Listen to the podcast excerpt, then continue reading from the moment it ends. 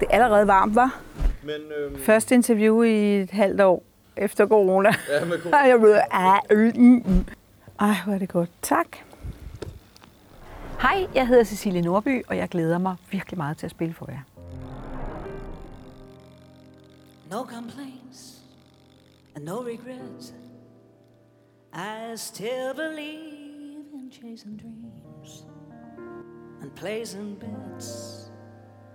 Cause all I've learned is what you give is what you get.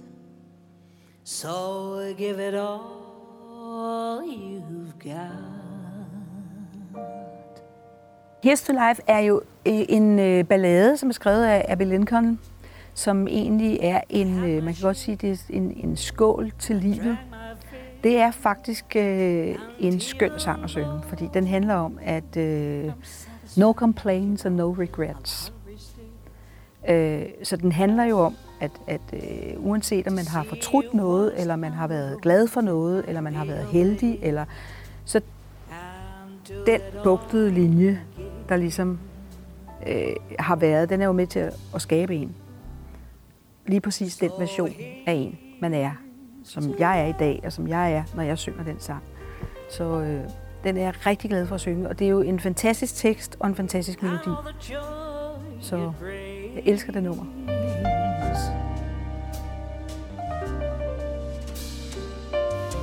So here's to life,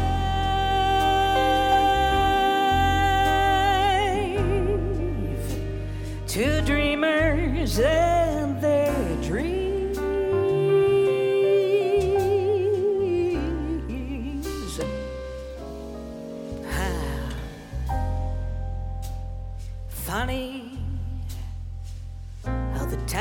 Flies. Our love can go from warm hello to very sad goodbyes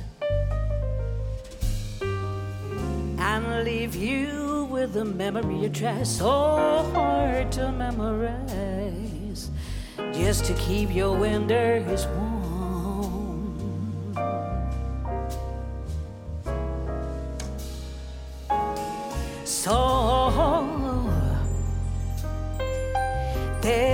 Yes in yesterdays, or who knows what what tomorrow brings or takes away.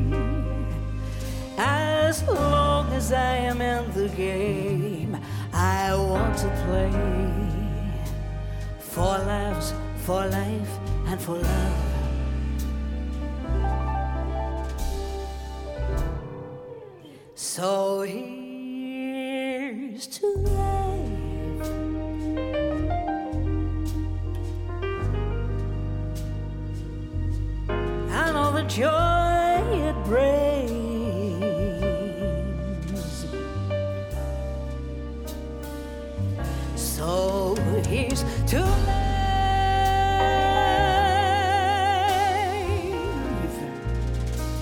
To dreamers and their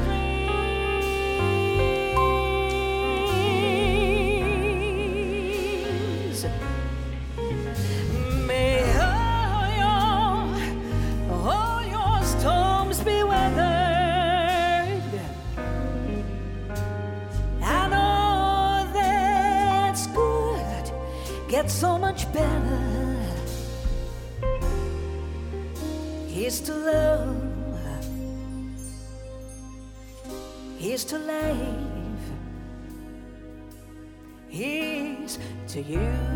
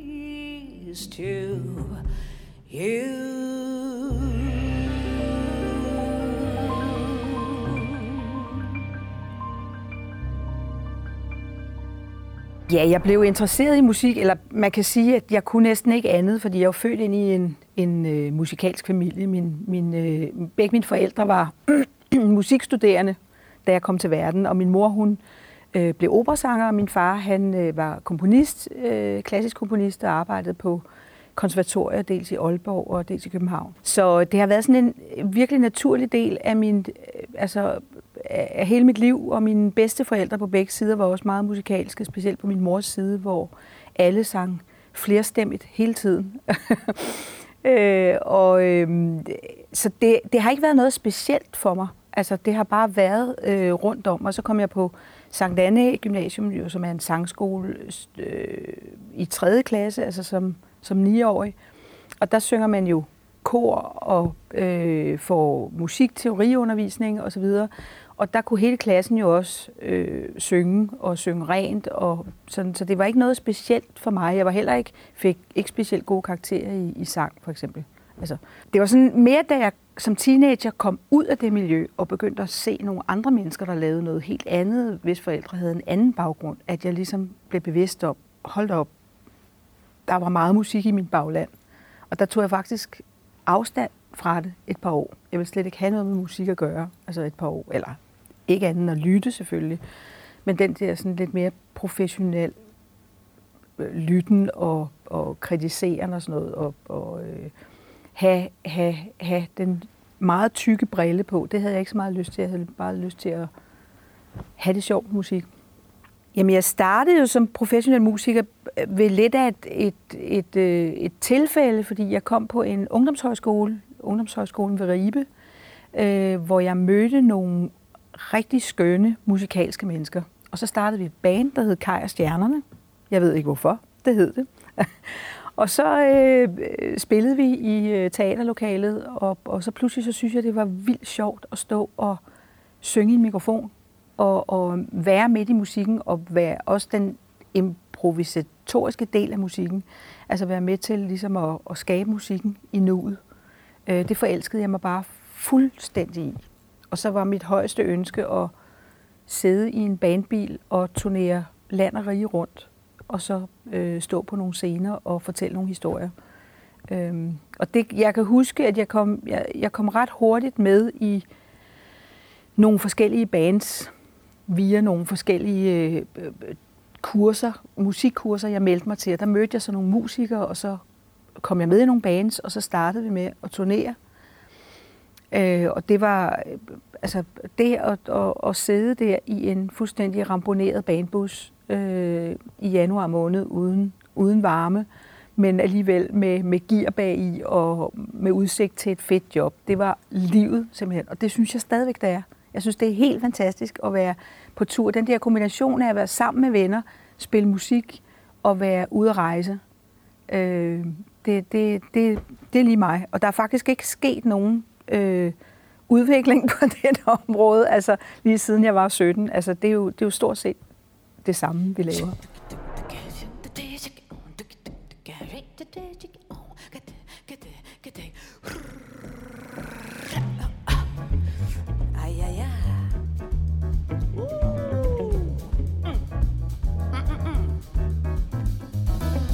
woman of Havana never gives it all away. Wants to do it all week long, but wait till Saturday. It's not the salsa that can wait, it's some kisses and the car. She loves to light that big cigar. Out of a golden box, she grabs it with her fingertips. She just can't wait to place the fat tobacco on her lips. A gentleman, a lighted match, satisfaction isn't far. She loves to light what she said. The Cuban girls in their secret smoky world, I said, a chit chat of quality and brain. You know the length and the strength, the aroma, thrill of every inch, and the franchise for her hand. I want some rhythm. Cuban Cigars er jo rigtig gammelt nummer. Og det nummer, det elsker jeg bare at synge. Altså det kan jeg, jeg kan synge det øh, hvor som helst og når som helst. Og det er et nummer, som øh, i første omgang Lars Danielsson, min mand, har skrevet øh, tilbage for cirka, ja, jeg ved ikke hvornår, 25 år siden eller sådan et eller andet. Og jeg skrev en tekst til det, øh, sad på et rigtig kedeligt hotelværelse i Göteborg i regnvejr og skrev en tekst om kvinder, der arbejder på en cigarfabrik i, på Cuba. Så man, man har jo lyst til, at altså man, har, man må jo skrive om hvad som helst. Så det er, øh, det, det er et, et varmt nummer, som jeg elsker at synge.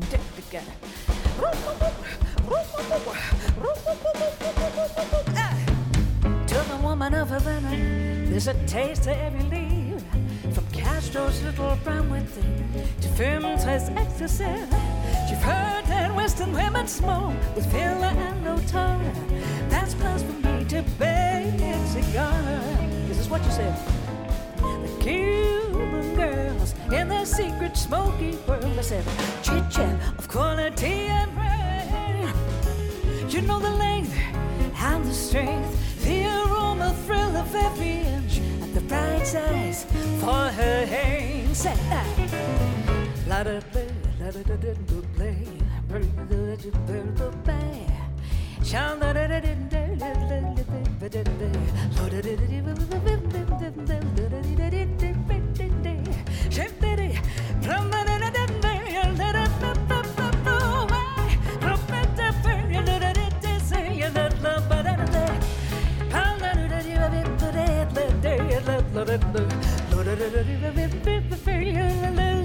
with a breed of state of the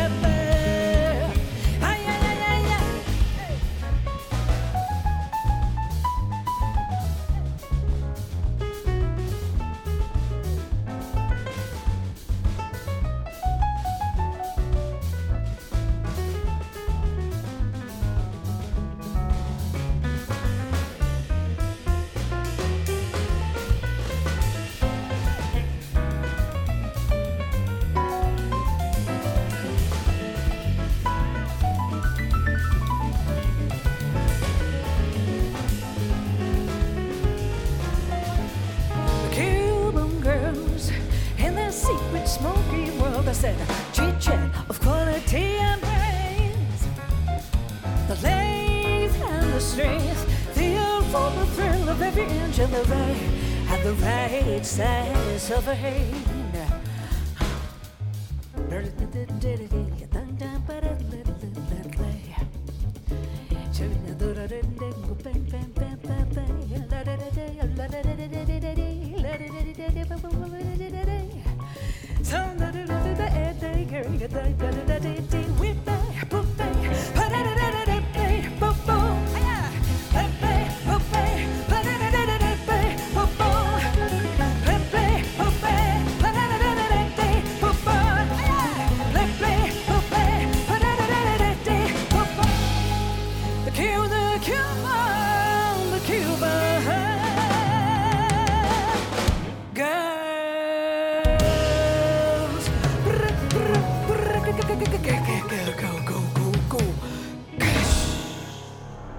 Street Beat var jo det første sådan rigtig øh, store orkester, jeg var med i. Og øh, der mødte jeg øh, nogle af de musikere her, blandt andet kapelmester Henrik Carlsen, mødte jeg på et øh, Det var Brandbjerg Højskole, der holdt et fantastisk musikstævne, som var helt legend- legendarisk, hvor øh, altså, stort set rigtig mange på min alder i musikmiljøet i Danmark har været der på et tidspunkt og mødt hinanden. Så det var, det var heaven at komme der. Og der var øh, så nogle gutter der, der samlede et band, øh, og der var vi, der var otte musikere, og så mig, og så havde jeg gået på højskole med Nina Forsberg, som jeg senere skulle synge i One Two sammen med.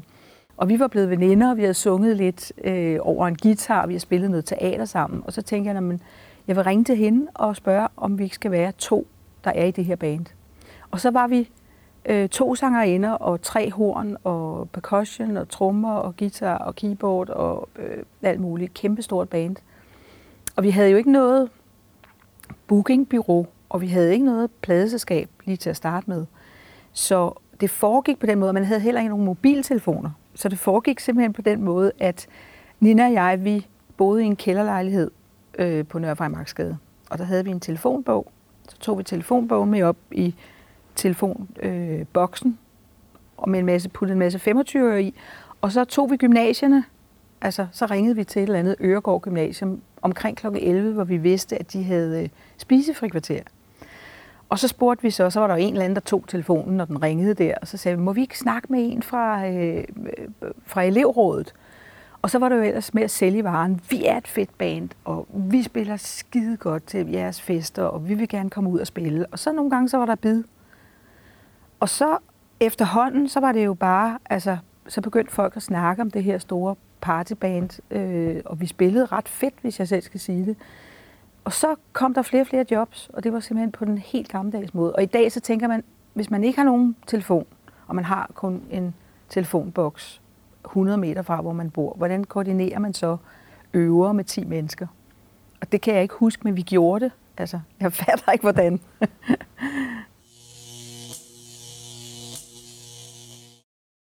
Jeg arbejdede nemlig ud i lufthavnen på det tidspunkt med at sælge ost og pølser i landbrugets fødevare kiosk. Og når jeg havde fri derude kl. 10 om aftenen, så tog jeg så direkte ind i musikcaféen, øh, næsten hver gang jeg havde været derude. Og der var der så et band, og der var en sangerinde, der ikke dukkede op til jobbet. Jeg ved ikke hvorfor, om hun var blevet syg eller hvad. Og der var en, en øh, guitarist, der hed Per Nielsen i det her band, som så kom ned, som jeg kendte fra Sankt Anne, der var lidt ældre end mig, som kom ned og spurgte, kan du ikke synge et eller andet? Kan du ikke synge øh, Summertime, for eksempel? Og det var det eneste nummer, som jeg kunne synge ud over det der streetbeat-repertoire. Så det var jo heldigt, at han lige spurgte om det.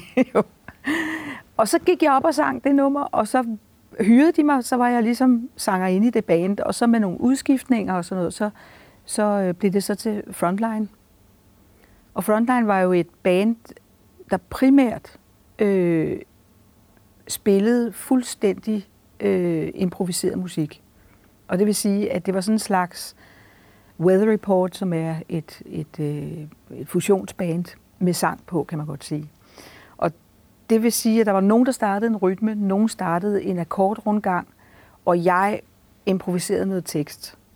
Og det var sådan, vi, vi, vi spillede rigtig meget. Jeg ved ikke, om, om folk, der har nok været nogle folk nogle gange, der, har, der ikke har opdaget, at vi improviserede. Altså, og så var der nogle soloer, og så prøvede vi at huske, hvad det var for et tema, vi lige havde improviseret. Så vendte vi tilbage til det, du ved. Og vi havde ikke, vi havde måske to numre, som var rigtige numre. Og så gik vi fra at spille rundt omkring i landet til pludselig at stå og, og have et, et, en koncert i Tivolis koncertsal. Og jeg kan huske, og for mig, altså, der var Tivolis koncertsal jo der, hvor min far for eksempel fik uopført sine symfoniorkesterværker. Og det var jo med kjoler hvidt, og det var med blomsteroverrækkelse, og man skulle være stille, fik man at vide, osv. Så, videre. så det var sådan lidt højtidligt sted for mig. Og pludselig så stod vi på den der Tivolis koncertsal plakat med Frontline, uden egentlig at have et repertoire. Og det kan jeg huske, det der billede, jeg bare så den der plakat, så tænkte jeg, kæft mand, hvad gør vi nu? Altså, men vi, øh, vi kom igennem det, og, og øh, øh, hele ånden i det band var meget improviseret, og det der med at føle og lytte og udtrykke sig og vente og nu er det min tur, nu skal jeg holde min kæft. Og, altså hele denne her måde at improvisere på og kommunikere på i, i, øh, i øjeblikket. Øh, og så fik vi flere og flere faste numre på med meget svære arrangementer.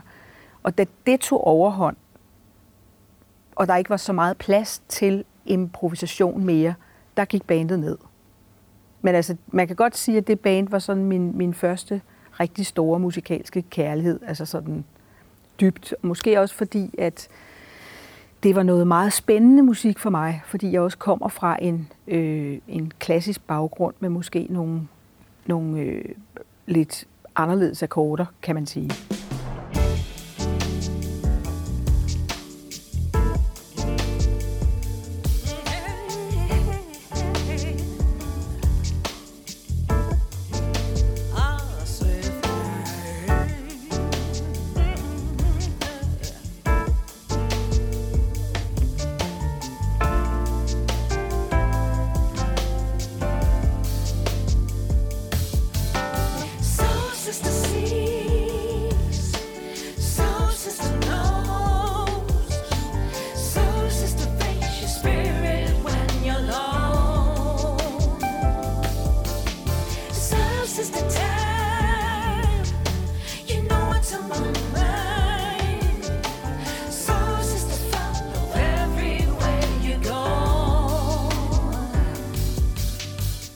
Soul Sisters er et, øh, et øh, nyt nummer, som jeg faktisk har skrevet til i dag. Teksten blev færdig i går.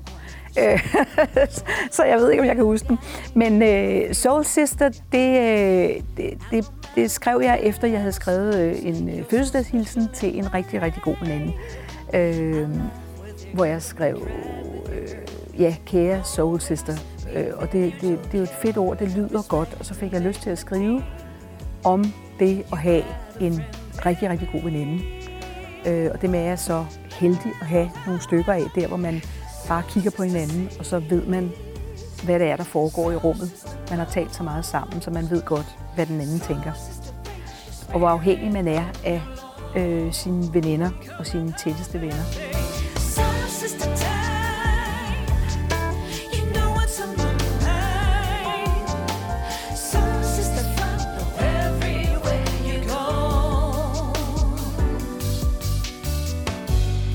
just one look. We don't need describing words. I know how you think, you know how I feel. Two guilty gossip girls. We don't need to conceal a thing. We are women, flesh and bone.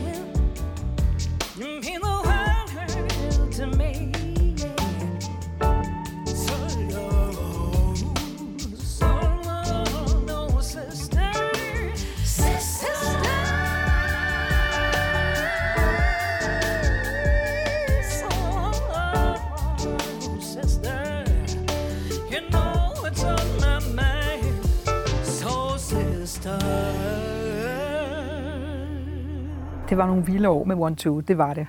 Øh, og jeg kendte jo Nina fra højskolen, som sagt, Nina Forsberg, øh, og vi havde spillet i Street Beat sammen.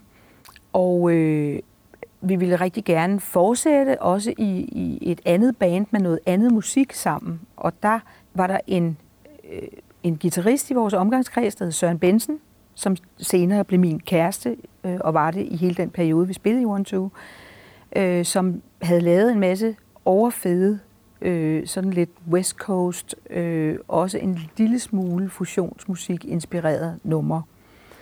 Øh, og der var en mandlig forsanger, og, og det var meningen, at Nina og mig skulle egentlig have sunget kor, men så fik vi ham der, forsangeren, viftet ud. jeg ved ikke. Øh, men øh, i hvert fald så blev det jo så os, der, der ligesom stod i front, og, og øh, øh, en elev til Søren, der hed Nikolaj Foss, var lige blevet ansat på øh, Medley Records dengang. Og han hørte til vores musik og præsenterede det for øh, Paul Broen, som var direktør for pladeselskabet dengang. Og det ville Paul rigtig, rigtig gerne have. Og det var også ham, der fandt på, på navnet One Two. Han ringede til os kl. 2 om natten og sagde, hvem er One Two? Og, øh, og vi vidste ikke, vi havde ikke nogen bedre forslag. så det blev det. Øh, og så gik vi i studiet, og, og øh, pladen udkom i maj 86, tror jeg nok. Kun et halvt år efter, jeg var kommet med første plade med Frontline. Så det, det var, der, var, der var virkelig crossover der. Øh, og det, det gik stille og roligt, at øh, den, den solgte sådan jævnt, og jeg kan huske, at vi holdt i Sørens røde Toyota inde på Rådspladsen. Det er bare sådan et billede, jeg har, hvor Nina og mig sidder bag i, og Søren han siger, tænk hvis vores plade solgte 10.000 eksemplarer. Og Nina og mig kiggede på hinanden som om, manden har fået storhedsvandvid, det kommer vi jo aldrig op på. Og så gik der nogle måneder, og så lige pludselig, så tog det fart, og så solgte den jo øh, altså over 100.000 og så blev der jo pludselig, altså så kom der virkelig fart over feltet, så, så øh, var vi ude på lange turnéer, vi spillede hele tiden. Og det var jo den gang, hvor der var, stadigvæk den gang, var der jo en kanal på Danmarks Radio, og det var det. Og det vil sige, at folk kom jo ud og oplevede live musik, så vi spillede altså for måske 2.500 mennesker, eller 1.500 mennesker, eller altså flere gange om ugen, i de der haller, altså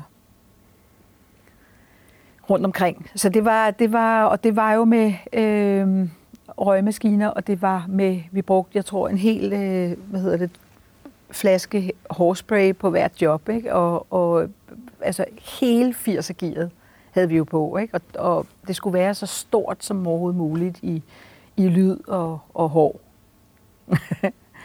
Øh, det repertoire, vi sang, det lå rigtig højt. Det lå rigtig højt, og det var rigtig svært at synge. Fordi at Søren, som havde lavet numrene, han sad jo og spillede på sin guitar, og så sang han det i det leje, han nu sang som mand. Og så havde han jo fundet nogle fede guitarroller, som han ikke havde lyst til at lave om rigtigt. Så han sagde bare til Nina og mig, mm, I synger det bare i den her toneart. Og så sagde vi bare ja, for vi synes også, det var fedt at, at fyre den af på den der måde. Og så blev det sådan. Men det resulterede jo også i, at vi fandt jo hurtigt ud af, at vi kunne ikke gå i byen jo. Fordi så, havde vi været, altså, så kunne vi jo ikke synge de der ting. Så blev vi jo alt for hæse. Så Nina og mig, vi øh, havde jo dobbeltværelse der på et eller andet hotel, og så gik vi hjem, og så tog vi sminke af. Mens vi stod og snakkede, så havde vi vores hår op i en knold. og så lagde vi os og gættede kryds og tværs. Så det var jo bare, mens de andre var ude og feste, så var det bare sådan, et biord på tre bogstaver, kan du? Ja, jamen, det er sådan og sådan, du ved, ikke? Altså, og det var der jo ikke nogen, der troede på, faktisk. Altså, men, men sådan var det, for ellers kunne vi ikke holde til det. Og der var jo en sommer, jeg tror, det var sommeren 87 eller 88, hvor vi var på grøn tur med, med One Two. Og der kom jo, altså, øh, altså minimum, vi spillede for, var jo 70.000 mennesker. Og i Valbyparken var der 120.000. Det var sådan fuldstændig urealistisk mange mennesker. Altså, og man kunne, ikke, man kunne ikke se, hvor mange der var til sidst. Altså. Øh, og der spillede jeg med One Two der om øh, dagen, dagtid, og så tog jeg et eller andet sted hen, øh, eller fra et eller andet sted, og så spillede jeg så Copenhagen Jazz Festival med, med Frontline om, om aftenen. Og det kunne være, eller med, med et jazzhold, jeg havde samlet, og det var jo på rigtig intime scener, hvor man havde folk fuldstændig close-up. Og så næste dag videre på tur øh, på grøn tur ud og altså, hej, er I derude? Altså, så det var to vidt forskellige udtryk, og det var, man kan ikke sige, at det ene var bedre end det andet. Det ene var, var øh, power, tungt, stort, fantastisk. Det andet var øh, detaljeret, lækkert, intimt, følsomt. Øh, og, og lige den der uge der, Altså, jeg synes jo ikke, det var hårdt. Jeg havde været død i dag over den der uge. Men altså, øh, det, det, var jo, det var jo lige mig, at jeg fik lov til at, at gøre begge dele. Og alle mine, mine øh, altså, øh, alle i pop-rock-branchen, de kunne ikke rigtig forstå det der fusion, at jeg gad det, og man tjente heller ikke nogen penge på det, og det var nogle mærkelige akkorder og sådan noget. Ikke? Og alle i, øh, i jazzbranchen, de var ligesom, de så lidt ned på det der med to og fire, ikke? Altså, at der var et nummer, der kunne indeholde fem akkorder. Altså, det forstod de ikke rigtig vel. så det var også lidt, lidt hårdt at skulle stå op for det. Altså stå op for begge, begge genrer. Men øh, altså, og jeg er rigtig glad for, at jeg ikke valgte noget af det, fordi jeg synes, at, at, at det var helt fantastisk at prøve. Hazy afternoon, Indian summer in my lonely room. Like a withered flower, this is how it is. Love decided to send you away.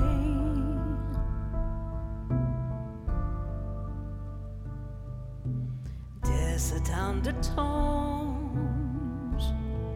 in a trigger eyesight we were not alone this flitting foresight dragging us apart. The emblematic start of an end. Night trains are leaving to where it horizon doing. Hazy Afternoon er jo også et helt nyt nummer, hvor jeg blev færdig med teksten i forgårs. Øh, og det er en, øh, en, øh, en ballade, der handler om den utrolig melankolske stemning, der kan være en, en øh, meget, meget tidlig efterårsdag, for eksempel i august måned, hvor øh, solen står lidt lavere, hvor der er støv og lidt tørke i luften, øh, og hvor der kan opstå en meget melankolsk følelse, og den handler om, om øh, to mennesker, der er ved at gå fra hinanden. Øh, jeg tror, at den ene har besluttet sig for at rejse ud i verden, og hende, der sidder tilbage, hun er ligesom med ham i tankerne, øh, hvor end han ender, hvad der end måtte gøre ham lykkelig, så er hun med. Hun er i luften. Hun er øh, der, hvor han er. Skal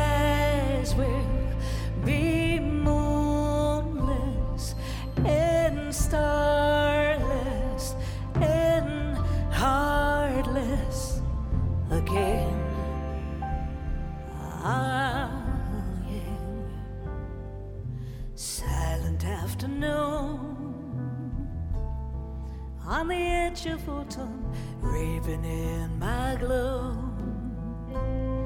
Hear the train is coming, singing in the rails, and bringing our tales to an end.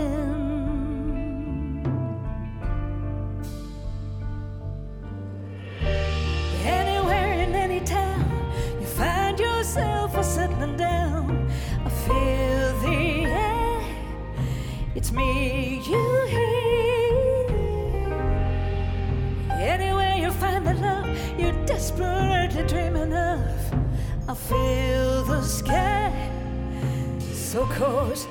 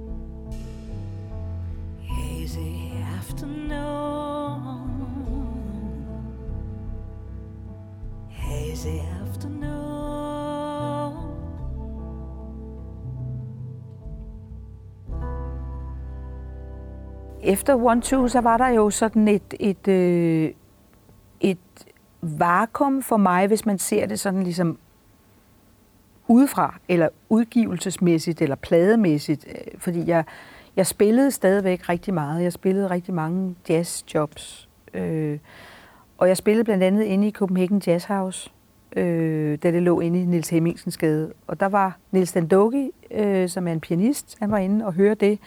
Og så kom han i baren til mig bagefter og sagde, har du nogensinde tænkt dig at, altså tænkt på at lave en plade ud af det her? Den stil der. Og så måtte jeg jo sige, nej, det havde jeg faktisk ikke tænkt på, fordi det var ikke, det var ikke lige der, jeg var. Og så, øh, men kunne du tænke dig at gøre det? Jamen, det kunne jeg da helt vildt godt tænke mig. Og øh, så, så holdt han altså en masse interviews med mig faktisk hjemme, hvor han skrev ned på sin computer, hvad jeg havde øh, lyst til at lave, og hvordan det skulle forme sig. Og vi lavede faktisk en ramme for en jazzplade, inden den var blevet til, kan man sige. Ikke? Og så sagde han, men hvem har du, hvem har du lyst til at skal skrive numrene? Hvem har du lyst til at få numre fra? Øh, og jeg tænkte på alle de komponister, som jeg har lyttet til inden for jazzen. Og det kunne han jo godt se, så han sagde, kom nu med det. Hvad, hvad, hvad vil du have? Nej, men det vil jeg ikke, og det tør jeg ikke, og jeg tør ikke at ringe til dem og dem og dem, eller skrive til dem og dem og dem. Jo, kom nu. Så kiggede han meget alvorligt på mig og sagde, hvis du ikke gør det nu, så spørger jeg nogle andre. For jeg gider ikke det der vægelsindet. Nu må du, er du på, eller er du ikke på? Og så måtte jeg jo springe på, og så fik vi numre fra, fra øh, alle mine yndlingskomponister, altså øh, Chick Corea og Randy Brecker og Don Grolnick. Og, øh, så det var, det var helt fantastisk. Og så lavede vi en plade på et par dage, øh, og det var også helt nyt for mig, fordi vi brugte jo månedsvis på one-two-pladerne, som jo var nogle helt andre produktioner og lavet på en helt anden måde. Øh, men her fik vi nogle musikere ind i studiet og, og, øh, og spille i nuet, og vi spillede det sammen, og alting er næsten first take og med meget lidt overdubs og sådan noget. Så øh, det var en anden måde at lave en plade på, men også fuldstændig fantastisk. Vi optog den første soloplade øh, herhjemme. Og så tog vi den til New York, og den skulle mixes i New York af en øh, fantastisk øh, producer, der hedder James Farber, eller øh, tekniker, der hedder James Farber. Og mens vi var derovre, så kontaktede Nils Andogi øh, Bruce Lundvald, som var direktør for Blue Note Records på det tidspunkt, og spurgte, om han var interesseret i at møde mig og høre øh, min musik, og det var han faktisk meget interesseret i, og det er jo once in a lifetime, altså sådan et møde, fordi det er jo bare øh, den, den største, man kan møde inden for jazzen, hvis man er interesseret i at få udgivet sine plader et fedt sted. Så han lavede en aftale, og den der aftale, den glemte jeg, fordi jeg var ude at shoppe jeans. øh, og øh, det blev næsten Doki selvfølgelig rigtig, rigtig tosset over. og det kan jeg godt forstå. Øh, jeg glemte det simpelthen, fordi jeg var, så, øh, jeg var så forelsket i New York, og jeg var så meget rundt, og øh, øh, ja, jeg glemte det. Men så fik jeg en chance til. Ja, jeg fik et møde til med Bruce Lundvald og kom op på hans kontor, og øh, der lavede han så den der klassiske med at sige til sin sekretær, trykket på en knap, jeg vil ikke forstyrres den næste time. Og så hørte han hele pladen, øh, hele vejen igennem, og jeg, jeg sad faktisk ikke og svedte i håndfladerne, fordi jeg regnede jo ikke med noget. Altså, jeg tænkte, det her det er for godt til at være sandt.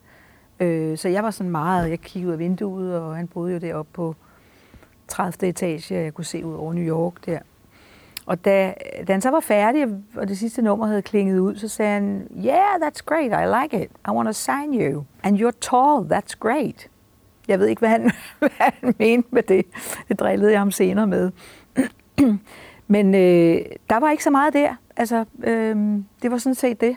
Så øh, Nikolaj Foss, som jo har øh, produceret øh, altså Disneyland After Dark, og på det tidspunkt Kashmir og Dizzy Miss Lizzy osv., han skulle så også producere mine jazzplader. Og det var der rigtig meget sjov ud af. Men vi kendte hinanden rigtig godt, så, han, så jeg kunne ligesom bruge ham som altså public ear på en eller anden måde i den situation. Øh, så så det, det passede rigtig godt sammen, og det var fantastisk, og vi turnerede øh, rigtig meget, og jeg lavede fire plader der.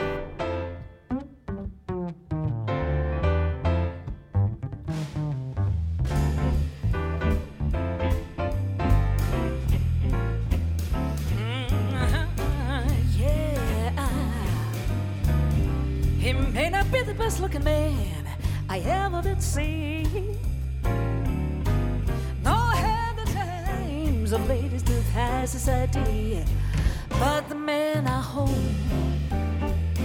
he's got a soul, yeah, yeah. And all the love that I hold belongs to the man with soul.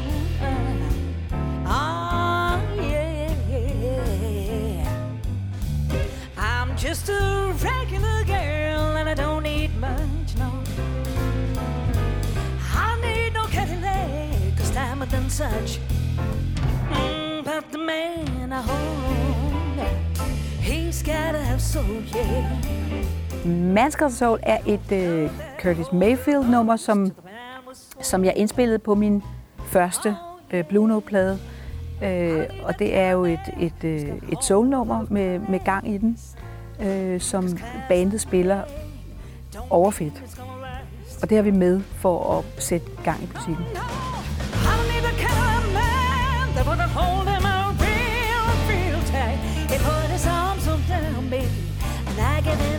A fight. Then I know ooh, my man's got soul worth all the money and gold, yeah. And all the love that I hold belongs to the man with soul, soul, soul. Oh, sweet thing,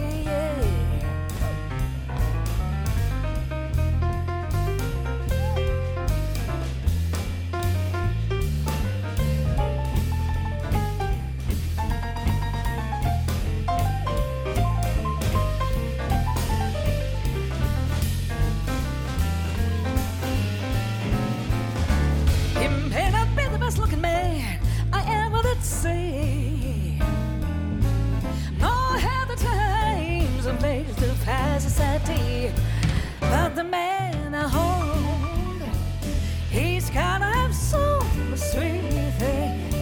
And hold the man that I hold belongs to the man with soul. Oh, I'm just a regular girl, and I don't need much.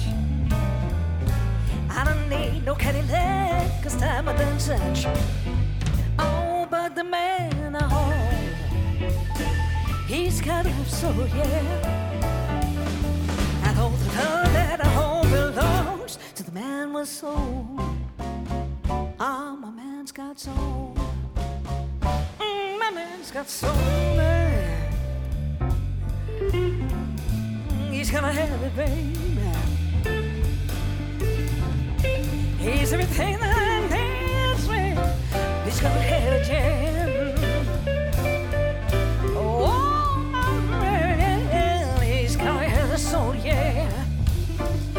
Well, do it, do it,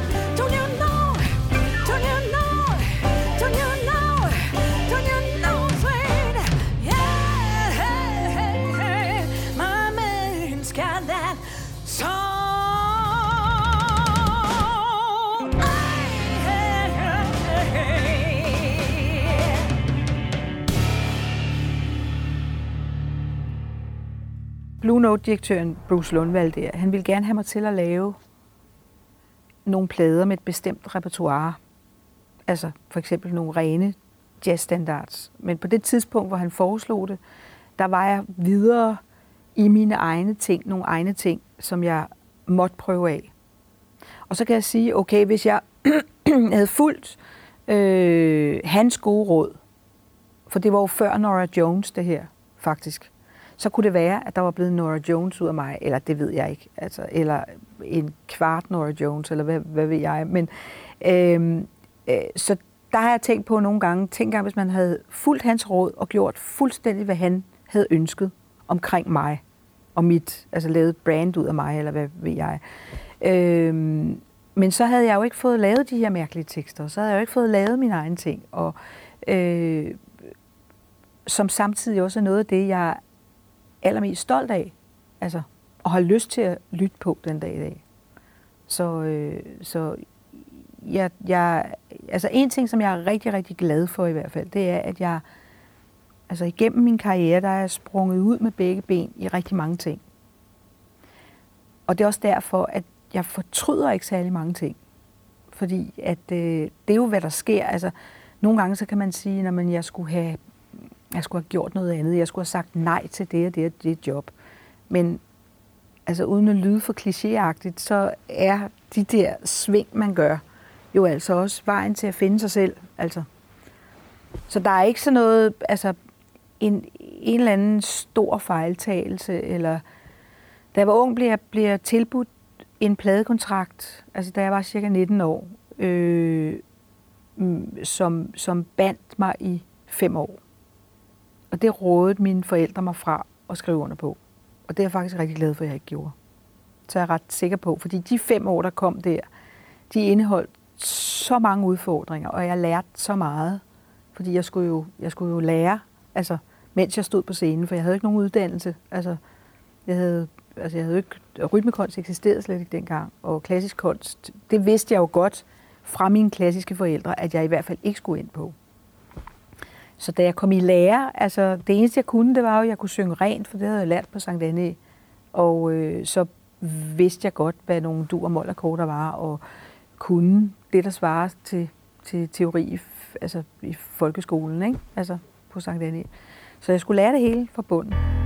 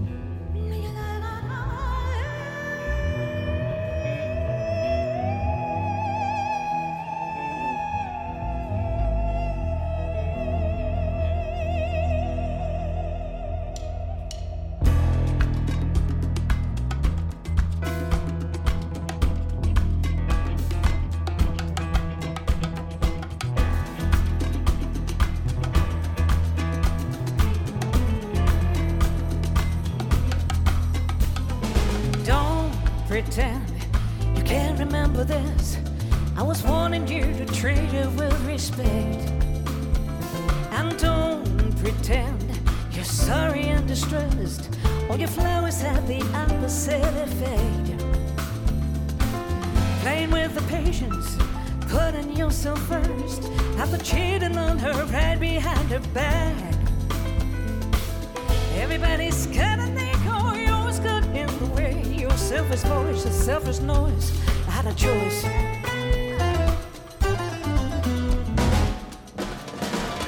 Don't be mean. Don't Be Mean er også et helt nyt nummer til i dag, øh, som øh, er et nummer, som er skrevet, fordi at lige præcis øh, det her beat, der er, og den energi, der er i nummeret, kunne jeg vildt godt tænke mig at høre det her band spille. Og Don't Be Mean, det, det, det handler om, at, at øh, man, skal, man skal opføre sig ordentligt. Man har faktisk et valg. Og i det her tilfælde, der handler det om jeg, der synger til en god ven. Og siger, jeg fortalte dig, at du skulle have respekt for hende, hvis du indledte noget med hende. Og det har du ikke haft. Så nu står du her. Ikke? Og du havde, du havde et valg. Og du skal bare ikke, du skal bare opføre dig godt. Du skal bare ikke være ond eller et fjol. Everybody's scared good in the way the table turn, your bridges burn. This is how you learn.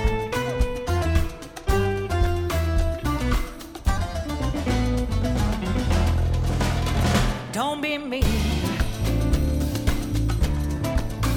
Don't be mean. Whatever you do, play for the team. Don't be mean. You can choose an evil side, you can choose the nice and kind. But whatever you decide to do, you can't pretend you're black. Man, show no mercy. Psychopathic traits. Your ego is revealing, just accelerate.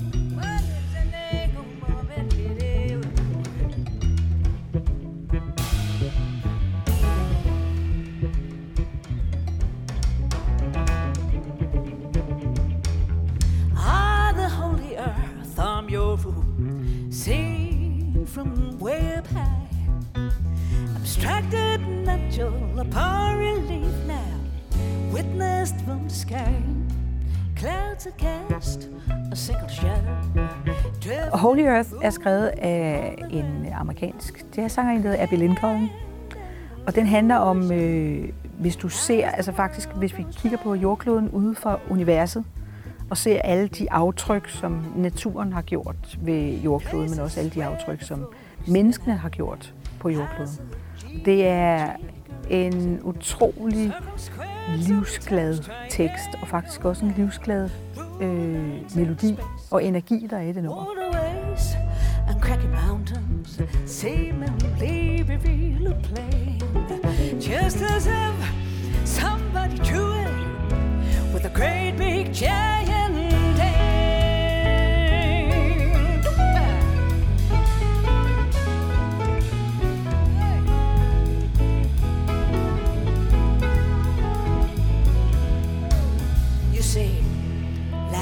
repetition.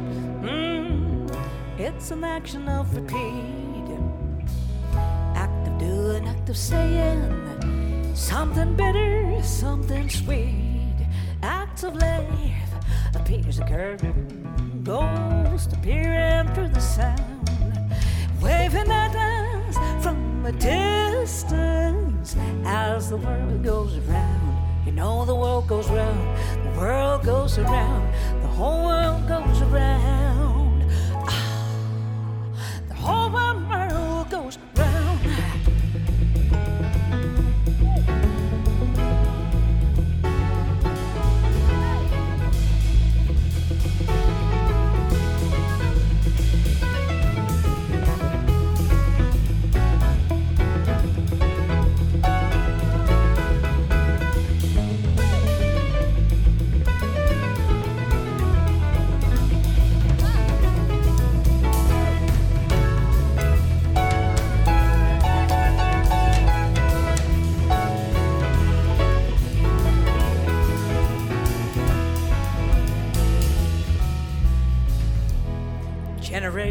Tale.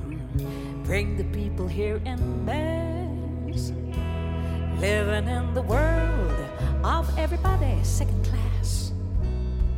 Four alone in a circle goes appearing through the sound, waving at us from a distance now as the world goes round. You know the world goes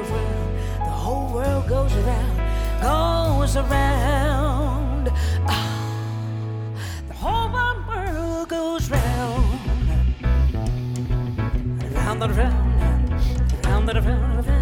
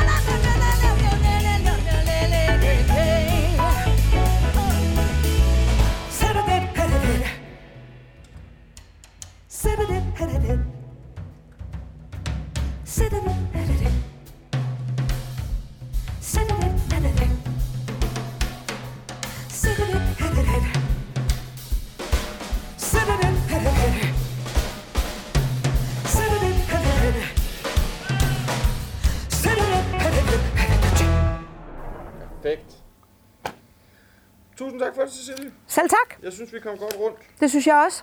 Det er jeg glad for. Ja, det var skide godt. Ja,